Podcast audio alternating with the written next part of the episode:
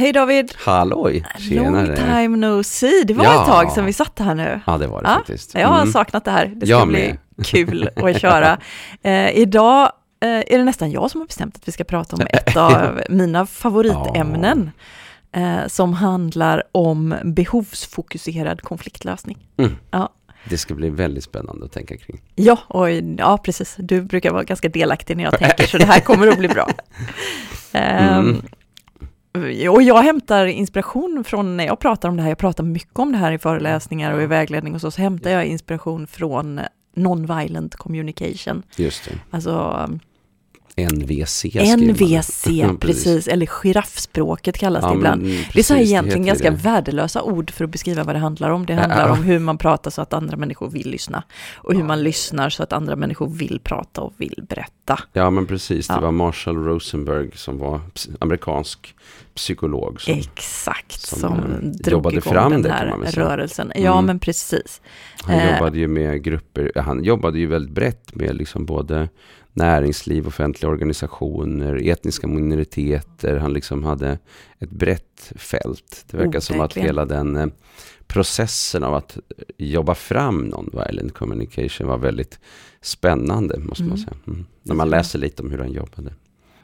Ja, för mig, jag gick ju en eh, årslång kurs, den var inte på heltid visserligen, men den löpte över ett år mm. i non-violent communication. Och det var en riktig ögonöppnare för mig på många sätt. Framför ja. allt just när det gäller det här med att förstå att folk agerar inte bara för att de är dumma eller ja, han, han funkar så här. Just den här grejen som vi ska prata om idag, att det finns behov bakom alla beteenden. Det, trots att jag hade jobbat länge med kommunikation och så, så hade jag, det var inte helt tydligt för mig på det sättet som det blev när jag gick den här kursen. Nej, precis. precis. Och precis. det är ju faktiskt också det första antagandet. Om, jag tänkte att ja, vi ska kika på ja, vi ska göra det. några jag bara tänkte att eh, folk kanske undrar, vad då giraff? Ja, precis. Och då tänkte jag så här att, eh, för att um, um, jag har ju varit med och gett ut en bok som heter Samtalsmetoder i skolan. Nu håller vi på att skriva för förskolan och sen ska det bli för föräldrar. Och där har vi bland annat med lite kring den. Mm.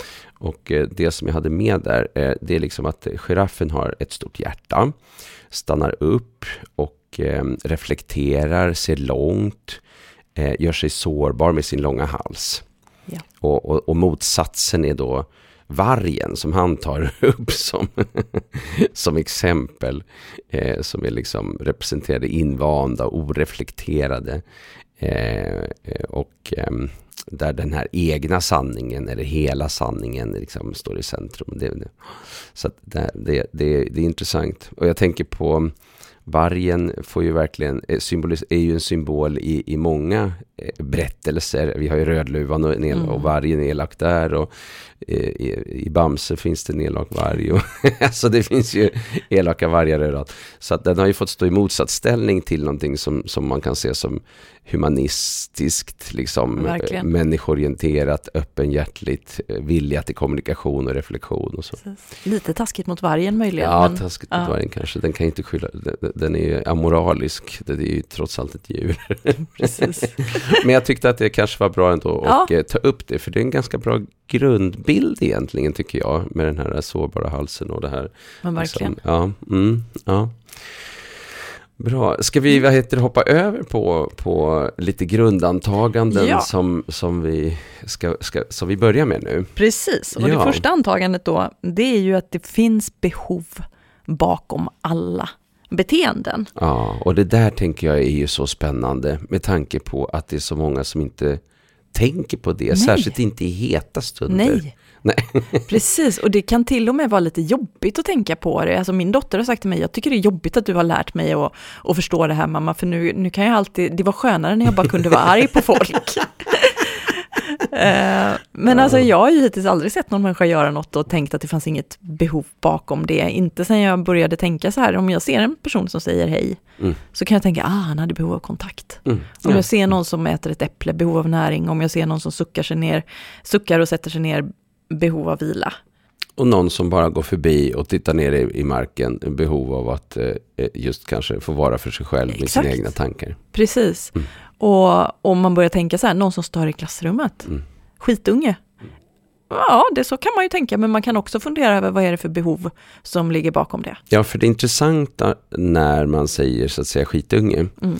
det är ju att man lägger he- alltihopa över eh, på den andra och sen finns det inget, inget eget reflekterande över vad som kan ligga bakom, vilket ju gör att vi inte heller kan varken förstå men inte heller göra någonting åt det. Nej, Det är ju det som är problemet. Är ju- Så att vi låser oss ju direkt exakt. när vi lägger över det på det sättet. Vi avhänder oss ansvar, men vi Helt, ja. avhänder oss också möjlighet att påverka faktiskt. Precis. För om jag tänker att han beter sig illa för att han är en skitunge, Mm. eh, då måste jag ju vänta till han slutar vara en skitunge innan någonting kan ändras. Mm. Och den väntan kan ju bli väldigt lång. Ja, då kanske man tycker så här, ja, men det kanske blir bra när, när, när den här personen är 20 25. eller 30 eller någonting. Ja, men Precis. precis.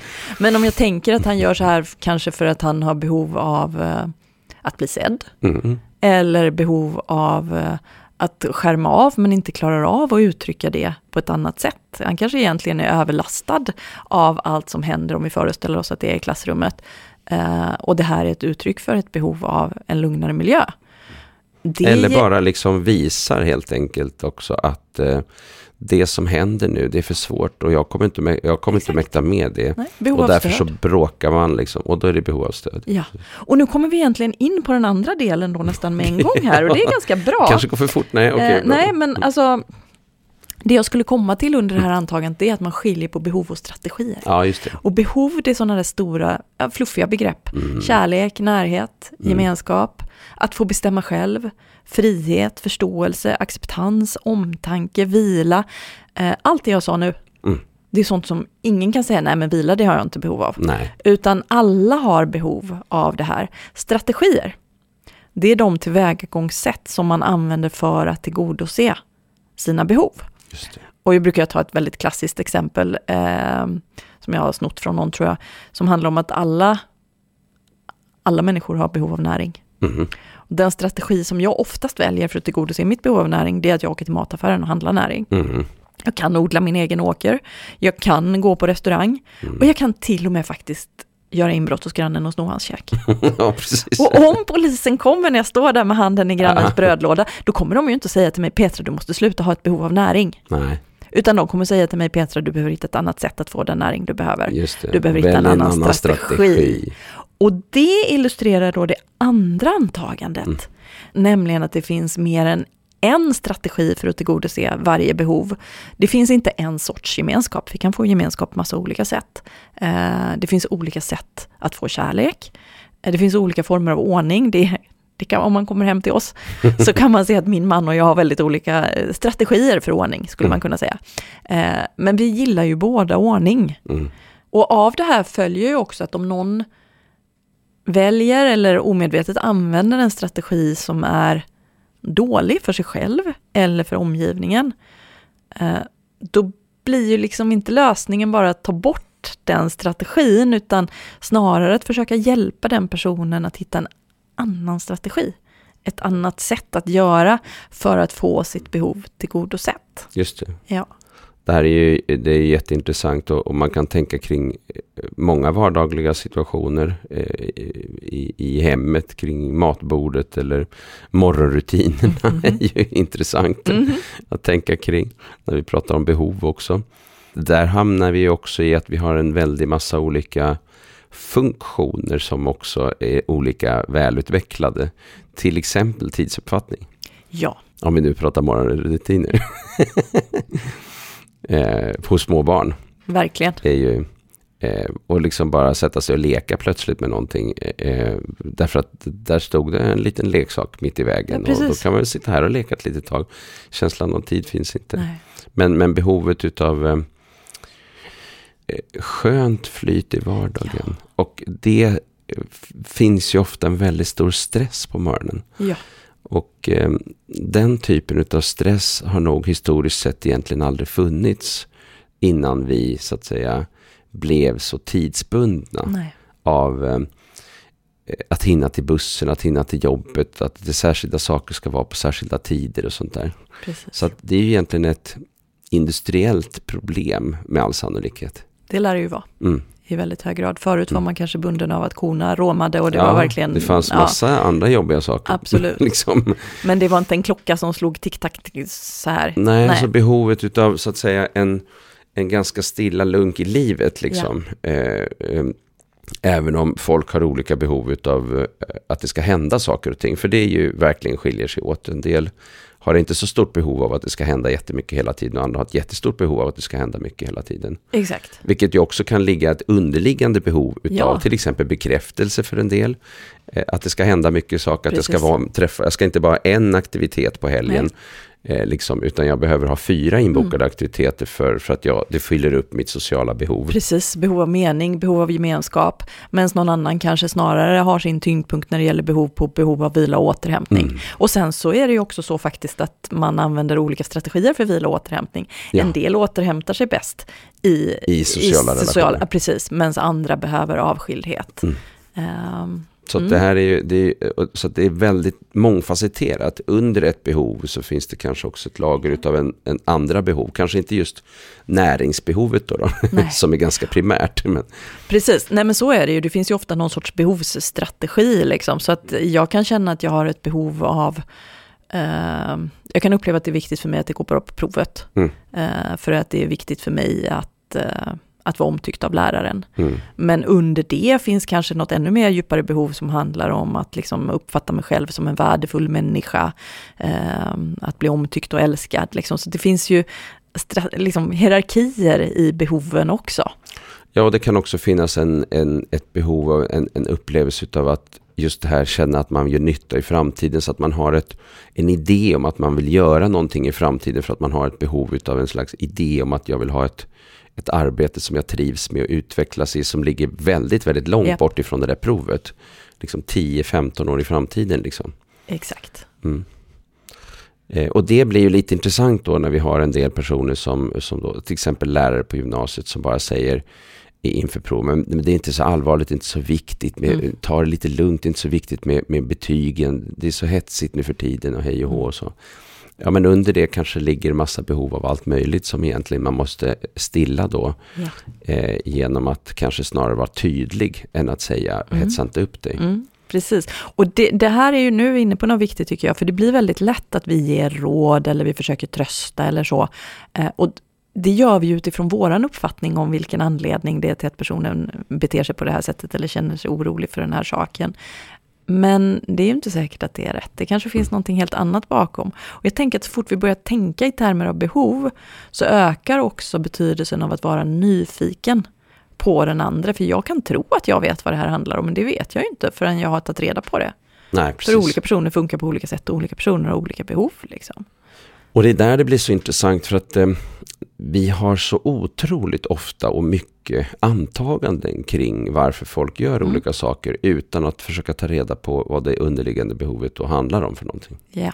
Och jag tänker på väldigt ofta, jag får ju jätteofta frågor Mm. som handlar om eh, vad gör man åt ett barn som Mm. eh, till exempel inte vill eh, klä på sig kläderna och gå ut på förskolan till exempel. Eh, och då blir ju min följdfråga, för att jag ska kunna svara på det, vilket behov tror du ligger bakom? För det är ju inte som att alla barn har samma behov Nej. bakom det som på ytan ser ut som, som är samma beteende. Så ett barn kanske inte vill klä på sig kläderna, utekläder på förskolan för att det är viktigt för henne med att det liksom är skönt för kroppen. Mm. Och galonbrallor och täckisar och gummistövlar och alltihop. Det känns som jag är en rymdvarelse så jag kan inte röra på mig. Men ett annat barn kanske inte vill klä på sig de här kläderna för du bara håller på och bossar över mig hela tiden och jag vill faktiskt bestämma själv. Så Ja. där handlar det mer om självbestämmande. Och Mm. ett tredje barn kanske säger jag vill inte klä på mig kläderna för hon har upptäckt att på den här förskolan där de vuxna är ganska stressade, Mm. då får man vara inne sist om man säger att man inte vill klä på sig kläderna. Mm. Och så tar fröken den i famnen och så hjälper hon till med alla kläder. Mm. Så det är en strategi i det här fallet för att få kontakt. Mm. Så tre olika barn, Mm. tre olika behov. Och ändå så står de vuxna där så ofta och ställer frågan vad gör man åt ett barn som inte vill klä på sig utekläderna? Mm. Som om alla barn vore likadana. Nej men precis. Men det är de ju inte. Nej. Eh, Och det är det som jag tänker också, för jag har ju så otroligt mycket handledning och även en del föräldrastöd. Och eh, just i det där med eh, snabba lösningar på svåra problem. Det har vi ju inte. och det leder ju till att man behöver, eh, det går inte bara att komma och få ett svar snabbt som attan och sen kan man gå därifrån och Nej. så är man nöjd. Eh, utan eh, det krävs ju att man liksom går in i frågan. Vad är det för en person? Vad är det för situationer? Vad händer? Hur blir det? Eh, och det är det som gör det komplext, men ja. också spännande förstås för, för en som håller på med det. Men, men svårt också för, för föräldrar för att de inte kanske liksom har hittat sättet att eh, försöka förstå vad det egentligen handlar om för någonting. Att de har inte, analysen är inte klar. Nej, eh, och, och analysverktygen kanske inte finns. Nej. För mig var det ju verkligen så att jag hade inte riktigt sett betydelsen Nej. av behov, att det finns behov bakom alla mm. beteenden. Och har man inte riktigt tänkt på det tidigare, då är det ju sjukt svårt att göra en analys. Liksom. Ja, precis, verkligen. Ja. Så är det ju. Det krävs ju också en del kunskaper, tänker jag, utifrån perspektivet att eh, vad är egentligen ett behov då? Mm -mm. Och vad är egentligen en strategi? Mm. Och, och, vilka olika strategier har vi? och sådär. När man eh. pratar om behov i non-violent communication så brukar man ja. definiera det som att de är eh, oberoende av tid, plats och person. Mm. Som gemenskap till Just exempel. Det. det. är ett stort fluffigt begrepp. Och ja. så fort jag börjar prata om att jag vill ha gemenskap med dig genom att vi eh, går och tar en öl tillsammans på restaurang Järnet på fredag klockan 15. Mm. Då har jag gått från behov till att precisera på vilket sätt jag vill ha det, till, det. behovet tillgodosett. Mm. Mm. Vilket är en slags strategi då. Exakt. Mm. Ja. Sen tänker jag att väldigt ofta när jag pratar om det här med behov eh, så missar jag att vara tydlig med att jag tänker mig inte att det är Oftast så är det ju inte precis i stunden när man står där och barnet har havererat på hallgolvet som man ska börja tänka på behov. Det är oftast jättesvårt och det ställer väldigt stora mm. krav på den vuxna. Eh, utan i stunden så handlar det ju ofta om att bara komma ur situationen med heden i behåll för alla mm. inblandade. Men det är ju ofta så att det här är ju inte en situation som bara uppstår en gång. Nej. Utan man har haft det problemet på måndag, på tisdag morgon. Mm. Då kan det ju vara läge att på tisdag kväll sätta sig ner och reflektera över varför blir det så här. Ja, för att oftast när folk ställer frågan, eh, vad ska vi göra med barn som? Mm. eh, då är det ju inte att det har skett en enda gång och aldrig mer. Det är ju ändå så. Det är Utan ju det nästan är ju alltid ett återkommande, återkommande problem. problem. Eh, och eh, det som är intressant i det också är ju att samma barn skulle ju dessutom kunna eh, ha eh, en rad olika behov som är, inte är tillfredsställda eh, i samma situation. Mm. Där strategin blir till exempel vägran. Ja. Eh, att det inte handlar om bara en enda sak utan Nej. att det är ganska komplext, att det kan Precis. vara massa olika samtidigt. Nu pratar vi som om det vore skitenkelt, det är ett behov och det Nej, gäller det att hitta det och oftast ja. är det ju en helt härke av behov. Liksom. Ja, så kan det ju verkligen ja. vara. Ja. Eh, eh, och jag tänker om vi tar en annan sån där situation, vi, vi pratar om, om morgonrutinerna på hemmaplan, men vi kan ju prata om till exempel då det här med eh, eh vägra gå ut som vi var inne på på, på förskolan. Ehm, Eh, där är också det här att um, det kanske är för mycket folk där ute. Jag vet inte vad jag ska göra för någonting. Eh, jag begriper inte på själva rutinen. Eh, jag tycker att det är kallt. Alltså det finns en massa olika Exakt. saker som ställer till det. Eh, förutom alla de här också, ja. liksom behovet av gemenskap och de här stora fluffiga. Och ibland är det ju så, har jag märkt, att det inte ens handlar om behov som inte är tillgodosedda i situationen, utan ibland mm. så upplever jag att barn använder situationen för att tillgodose behov som de har som är mer större än i själva situationen. Man mm. kanske använder samlingssituationen som ett sätt att bli sedd. Mm, mm. Ja. Eh, och då är det kanske inte just problemet att jag inte blir sedd i samlingssituationen, utan problemet är att jag blir inte sedd.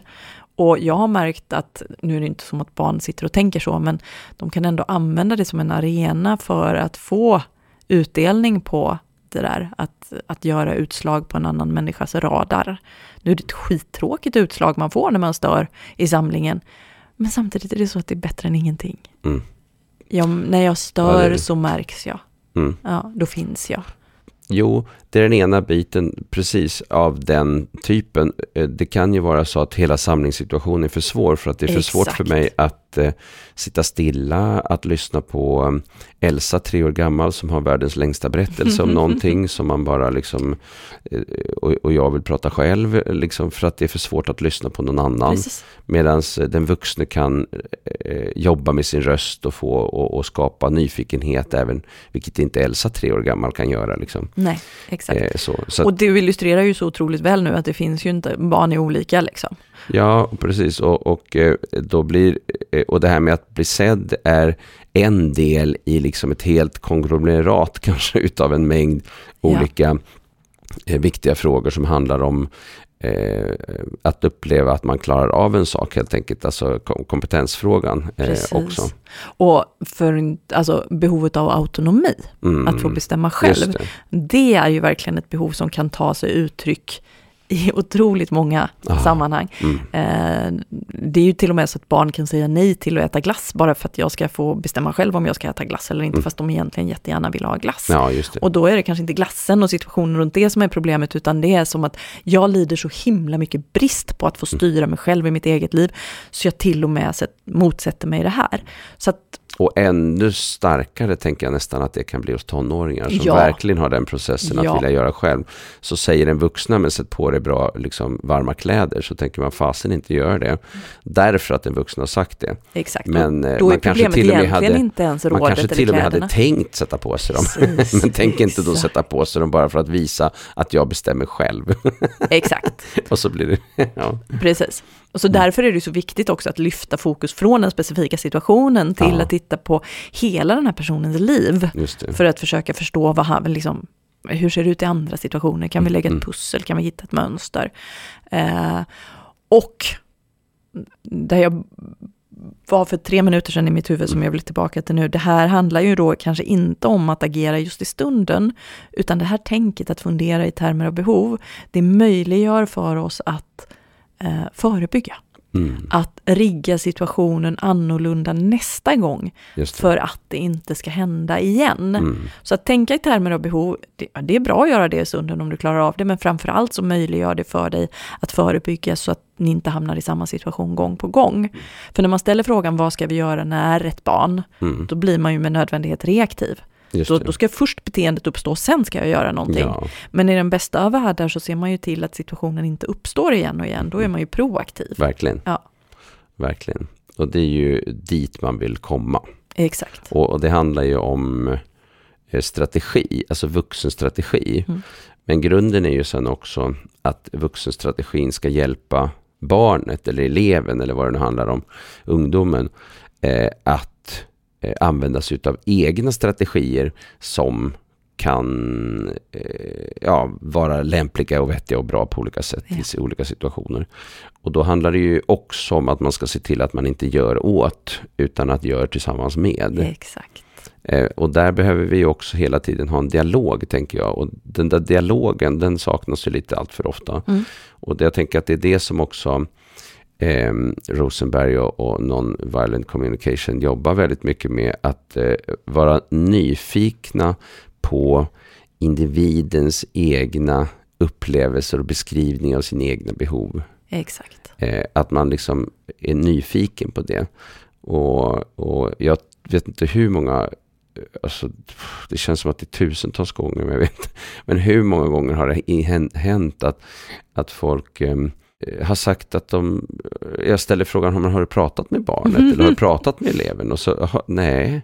Alltså, på ett, jag är för, förstummad ibland liksom, över hur sällan det har hänt. Och, och jag tänker att eh, det här är det som är så viktigt då, att, någonstans att, eh, att eh, på något sätt, och det här är ju lite ansträngande också på ett sätt, för det, det är inte så här man bara säger någonting och så gör folk det. Men vuxna behöver ju eh, jobba mycket mer med att prata med barn. Men de behöver också fler, ibland då strategier för att göra det på också. Ja. Därför att ibland räcker det inte bara med ord. Ju. Nej.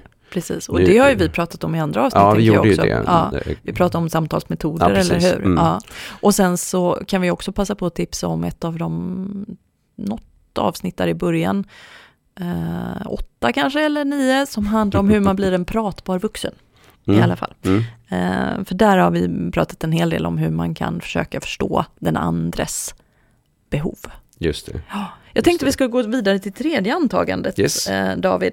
Eh, det handlar om att konflikter, de uppstår ju när vi låser oss vid specifika strategier Mm. för att tillgodose våra behov. Mm. Det finns liksom inte någon inneboende konflikt mellan behov. Det finns ingen inneboende konflikt mellan gemenskap och frihet till exempel, utan konflikten uppstår när jag vill ha gemenskap i form av en gemensam familjemiddag klockan 18.00 och min son vill värna sin frihet och inte komma hem förrän klockan 18.30. Mm. Ja.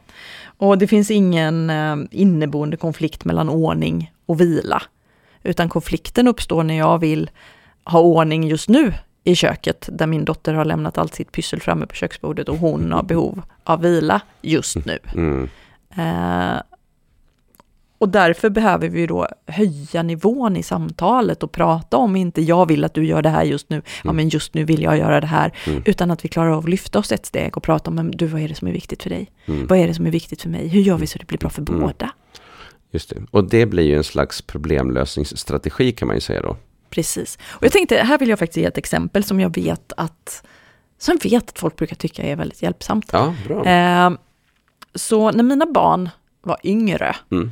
Då gillade jag, det gillar jag fortfarande, att sitta vid köksbordet och läsa tidningen efter middagen med en Ah. kopp te.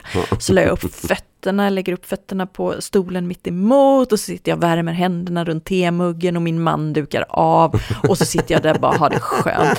Eh, och det är en strategi som jag har för att tillgodose mitt behov av avkoppling och vila. Alltså andra kanske läser tidningen av andra anledningar, Ja. typ för att lära sig något eller hålla sig uppdaterade. Men för mig så är det rätt mycket så här, det är bara skön, avkopplande Mm. situation. När barnen var yngre, då gillade de att efter måltiden leka så här högljudda rolllekar i köket, Mhm. precis där jag satt. Mm. Så det var ju då ett, en strategi hos dem Mm. för att tillgodose sitt behov av så här, lek, kreativitet, gemenskap, att liksom återkoppla till varandra efter en dag ifrån varandra i sina respektive verksamheter. Liksom. Om vi då låser oss, jag och mina barn, vid våra respektive strategier. Jag ska sitta här i köket och läsa i lugn och ro. Vi ska leka högljudda lekar precis där mamma sitter. Då har vi oundvikligen en konflikt. En av oss kommer att få ge upp, förmodligen båda faktiskt, om vi ska vara helt krassa. Om vi istället släpper taget om våra strategier och kollar på våra behov. Jag har behov av vila och återhämtning. Mina barn har behov av lek och kreativitet och gemenskap. Det finns ju faktiskt en uppsjö av möjliga lösningar Mm. på den konflikten. Jag måste ju kanske inte läsa tidningen i köket, jag kanske kan läsa den i sovrummet istället. Eh, Jag kanske kan gå en promenad, det finns i alla fall de som tycker att det är avkopplande. Jag kanske kan läsa tidningen lite senare. Mina barn kanske inte måste leka just den leken. De kanske kan leka en annan tystare lek. De kanske kan gå till ett annat rum och leka leken eller jag brukar skämta och säga min favoritstrategi att de går över till grannen och leker. Mm. Eh, Så genom att vi släpper taget om våra strategier och tittar på våra respektive behov så är det möjligt att hitta en lösning som Mm. innebär att båda får vad de behöver. Däremot då inte med hjälp av den strategi som vi själva skulle föredra just i stunden. Just Men det här sättet att lösa konflikter, det förutsätter ju rätt mycket prestigelöshet. Mm. Och det förutsätter att man vill samarbeta och inte bara att man vill att barnen ska lyda.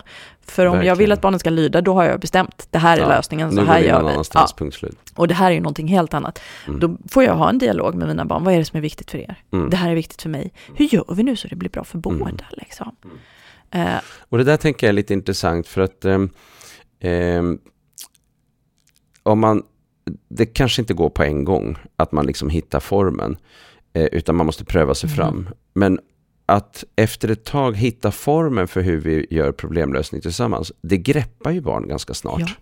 Så att de fattar formen. ja. Så då ska vi problemlösa, Mm. eh, liksom, kan bli en grej som kommer till slut från barnen, därför att man har skapat en sån rutin. Mm. Det där tänker jag är lite intressant. Hade ni, ha- hamnade ni där någon gång? Ja, alltså det här är ett sånt stort firande för mig. Jag vet att när barnen var så här 10 och 12 någon gång så hörde jag att de bråkade. Mm. Och så säger, jag kommer inte ihåg vem av dem det var som sa, men sa så här, men kan vi inte bara göra sådär som mamma brukar säga, att vi, vi funderar över vad som blir bra för båda?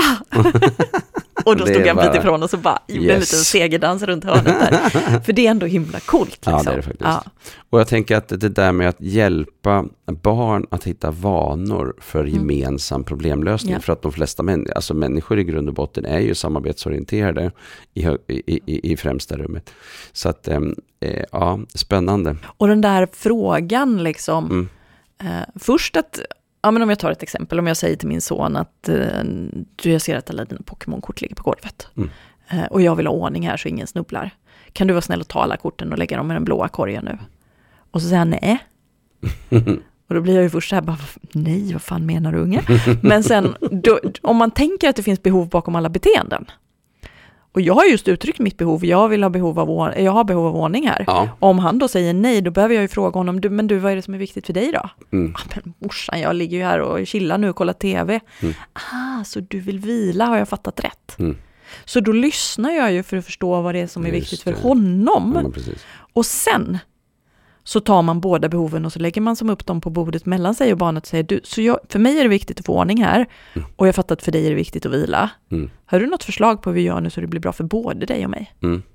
Och den frågan är ju, i min erfarenhet, väldigt ofta förlösande genom att den signalerar att jag vill ta mitt behov på allvar, jag vill också ta ditt behov på allvar. Låt oss snacka om hur vi gör så det blir bra för Just båda. det. Just det. Eh, och under förutsättning, och den här förutsättningen är ju superviktig, och den har vi pratat om i 37 avsnitt hittills eller någonting. Det handlar ju om att man behöver ha en schysst relation Ja, med barnet. En relation som är präglad av just samarbetsvilja, ömsesidig respekt, gemenskap och så. Om man har den relationen på plats, då kommer ju barnet inte att säga jag skiter i dina behov för jag ska ligga här och kolla tv nu. Om man har en relation som går lite grann på knäna, då är risken stor att barnet säger just det. Men har man den där relationen som är präglad av samarbete och gemenskap och så, då kommer han ju inte säga det, utan då kanske han säger, men morsan, jag, jag tar hand om dem i, i reklampausen, är det, eller är det okej? Mm. Eller, jag lägger alla korten i en hög nu och så tar jag hand om dem när programmet är slut. Eller pappa, kan inte du? och så kan jag hjälpa dig med, och så kommer han Just på något annat sen. Eh, så det här sättet att prata med barn, Mm. eh, det är ju verkligen inget knep för att få lydiga barn. Nej, Utan- utan, det, är ju, eh, det är ju ett sätt att jobba med samarbetet i fokus.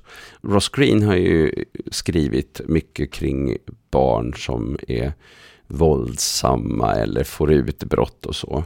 Ehm, han är en eh, amerikansk psykolog och han har ju då ju skapat det här eh, metoden för eh, gemensam problemlösning som han kallar CPS som, som eh, är döpt till då Collaborative and Proactive Solutions. Ja. På svenska så har man översatt det till samarbetsbaserade och proaktiva lösningar. Eh, tidigare hette det samarbetsbaserad problemlösning. Men eh, eh, samarbetsbaserade och proaktiva lösningar. Och, och där finns ju proaktiviteten Ja. proaktiv. Alltså att man, nu jobbar vi för att vi i framtiden ska få det lite bättre. Mm. Eh, eh, och grunden i hans modell är ju det första steget som han pratar om. Det är det här liksom empatisteget. Och jag Ja. tycker att det är intressant att han använder begreppet empati som liksom det första. För att det är ju det du är inne på också. Mm. Relation eh, använder du som begrepp. Men också eh, viljan att förstå den andras behov Mm. eh, är, uttrycker ju också empati väldigt tydligt. Eh, och det handlar ju om att den vuxne då försöker ta reda på vad det är som gör det svårt för eleven eller barnet då att eh, i stunden och eh, att, använda sig av nyfikna och icke-värderande eh, frågor. För det tänker jag också är någonting som du uttrycker. Vad är Mhm. ditt behov? är ju en icke-värderande. Mm. Det, det, är ju, det är ju en öppen fråga som Precis. inte är värderande. Som man kanske inte alltid kan ställa direkt till barnet, för barnet vet knappt hur man definierar behov, utan Nej. man får ju ställa den på andra. Jag försöker Precis. fatta, vad är det som är viktigt för dig här? Ja, Handlar det om det här, eller är det det här? Jag vet inte, du kan Nej. väl berätta för mig. precis. Så det blir mer så. Och det, är Eh, ju, och det är ju bra för att det, behov blir ju för, liksom för stort. Men, men vad är viktigt för dig? Det, Exakt. det fattar man ganska Ja. tidigt. Så jag tänker att det är också någonting man kan använda sig av i ganska mycket tidigare ålder Mm. också. Alltså ganska tidig ålder. Och sen i nästa steg, det är då att definiera problemet. Eh, alltså den vuxna tydliggör sin bild av problemet utan skuldbeläggande. Och sen bjuder man in till att gemensamt eh, komma på en lösning. Och då i hans idévärld liksom, så är det att vuxna är så bra med att komma med egna lösningar. Mm. Men det allra bästa är ju när ett barn eller en ungdom får hitta sin egen lösning. För då ökar oddsen att det blir av. Om det kan vara en lösning som kan liksom funka. Och sen får man stämma av och så får man pröva sig fram och så får man utvärdera. Och redan innan också prata om det här med att men du, kan vi, kolla, vi kan snacka om det här sen igen och sådär. Mm. Och jag tänker att eh, Eh, eh, det sätt som du beskriver och, eh, eh och det här liksom CPS som Ross Green har jobbat fram, som används på vissa skolor eh, och i vissa kommuner har man jobbat med att implementera det. Det, har ju, det, det bygger egentligen, jag tänker att det bygger väldigt mycket på en idé om att människan är samarbetsorienterad och inte liksom någon som ska man ska styra och reglera eh, mm. genom eh, tvång och, och, och, och, liksom, och så. Precis, och jag tänker på, vi har gjort tre avsnitt, fyra avsnitt egentligen, som mm. handlar om motivation ja, och det. grundläggande psykologiska behov. Ja. Eh, och att de grundläggande psykologiska behoven blir tillgodosedda, nämligen autonomi, kompetens och samhörighet. Mm där har man väldigt goda förutsättningar för CPS eller den typ av konfliktlösning som, som jag pratar om. Det är ju, de överlappar ju jättemycket. Ja, de gör ju det. Ja. Mm. Men att tänka att om jag tillför möjligheter för den andra att styra sig själv, att mm. uppleva att hon är kompetent och att vi har en relation där vi engagerar oss i varandra, det är väldigt schyssta näringsämnen i mm. den här processen. Ja, verkligen. Och för grejen är den att eh, i grund och botten så handlar det om att i slutänden eh, ska vi landa med att vi använder oss av strategier som vi blir bra för alla. Mm. Och det där är också lite intressant när man tänker på situationer som uppstår. Vi säger att eh, vi har ett barn som eh, plötsligt Eh, man har för, ja, vi kan ta det exemplet. Ehm, ehm, jag var i en verksamhet och det var ett barn som eh, inte ville följa med på en utflykt. Mm. Det här var ett barn som hade stort behov av förberedelse och inte hade blivit tillräckligt förberett. Ehm, och eh, säger bara nej, jag vill inte följa med. Så, mm, eh, och den vuxna, jo men det blir kul, mm, vi ska mm, göra det här och så här. Nej men jag vill inte göra det. Liksom så. Jo, men det, och så får du vara med mig och vi ska ju iväg och det, det, det, liksom berätta lite så här. Nej, till slut blir barnet argare, argare, argare. Till slut är barnet väldigt argt. Och ska inte göra det. Och har vänt sig om och liksom är liksom sådär. Um, och den här uh, vuxna pedagogen blir då mer och mer stressad för att alla står där ute och mm. väntar och man ska iväg. Och, och det, är liksom, det, är, det är en tuff situation. Det är inget uttal om att det är en tuff situation. Jätte, jättejobbigt. Um, och, um, uh, och sen så säger den här vuxna, nej nu får du faktiskt ta och komma och liksom tar om barnet, inte hårt, men liksom nu går vi, bestämt kanske, bestämt, men liksom nu går vi. Och då, poff, upp, smocka, glasögonen flyger, barnet springer iväg, gömmer sig, drar ner några stolar, gömmer sig och alla letar. Mm. Ingen kan hitta var, var, var har det här barnet hamnat. Och till slut hittar de barnet i en skrubb. Oh ut kommer en kanonkula. Hoff, liksom. Ut i hallen, i korridoren, ut, liksom springer iväg. Och eh, drar ner några barn i hallen och så drar iväg och rymmer, eller drar helt ah. enkelt. Så att det är ju en super, super, super jobbig situation på alla sätt och vis. Men när man ska analysera den här situationen sen, då finns det ju massa olika steg som man kan göra det på. Eh, och de, de eh, eh, har, för förskolans del så har Bo och jag beskrivit dem i den här boken som heter Beteendeproblem i förskolan. Men de finns också i beteendeproblem i skolan och så finns det föräldraomsorg och andra. Mm. Men det finns också en bok som heter Barn som bråkar mm. för familjer. Eh, och där finns de här stegen, alltså de här frågorna man kan ställa sig i olika stadier ju angivna då. Eh, hur ska man liksom tänka?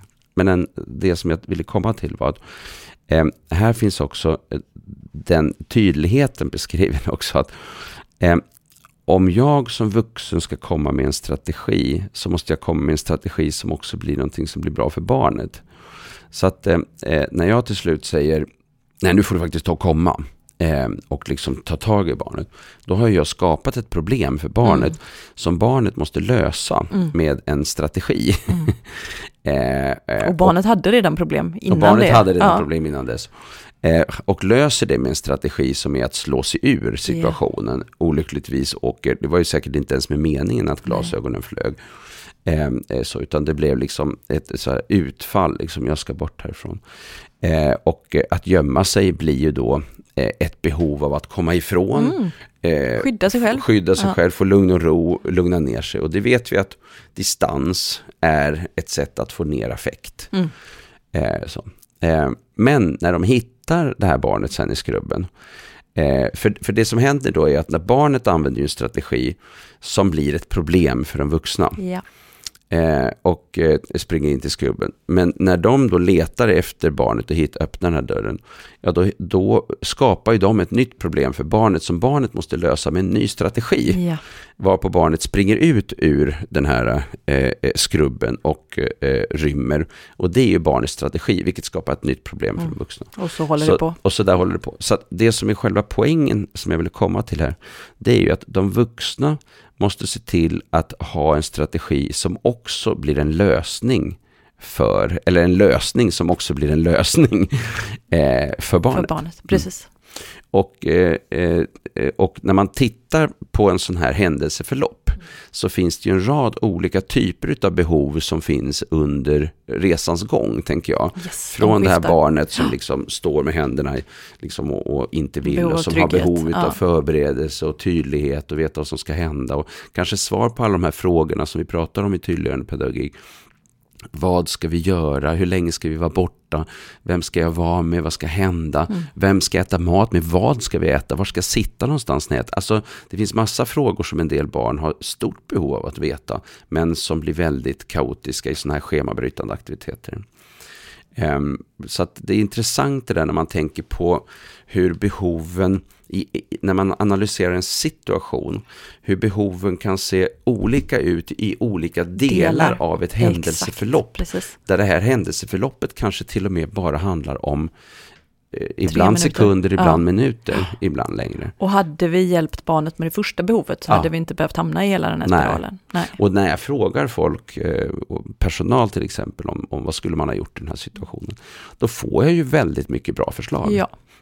Eh, för att det finns ju väldigt mycket kompetens eh, i form av att, eh, ja men eh, eh då stannar vi upp och så ställer vi oss frågan vad tänker du? Eller, mm. eller vi kanske sätter ord på barnets känslor eller vi försöker påminna om planen eller, eller sådär. Och, och, och även liksom i, i de här liksom, i, i, olika steg så kan man tänka sig olika, olika strategier. Men, och där, och, så jag tycker att det blir så vansinnigt spännande nu i det här samtalet som vi nu har när man sammankopplar behov och strategi på ja. det här sättet. Därför att man ser ju så tydligt hur, hur viktigt det är. Mm. Att man kommer inte ifrån att det är otroligt viktigt. Nej, precis.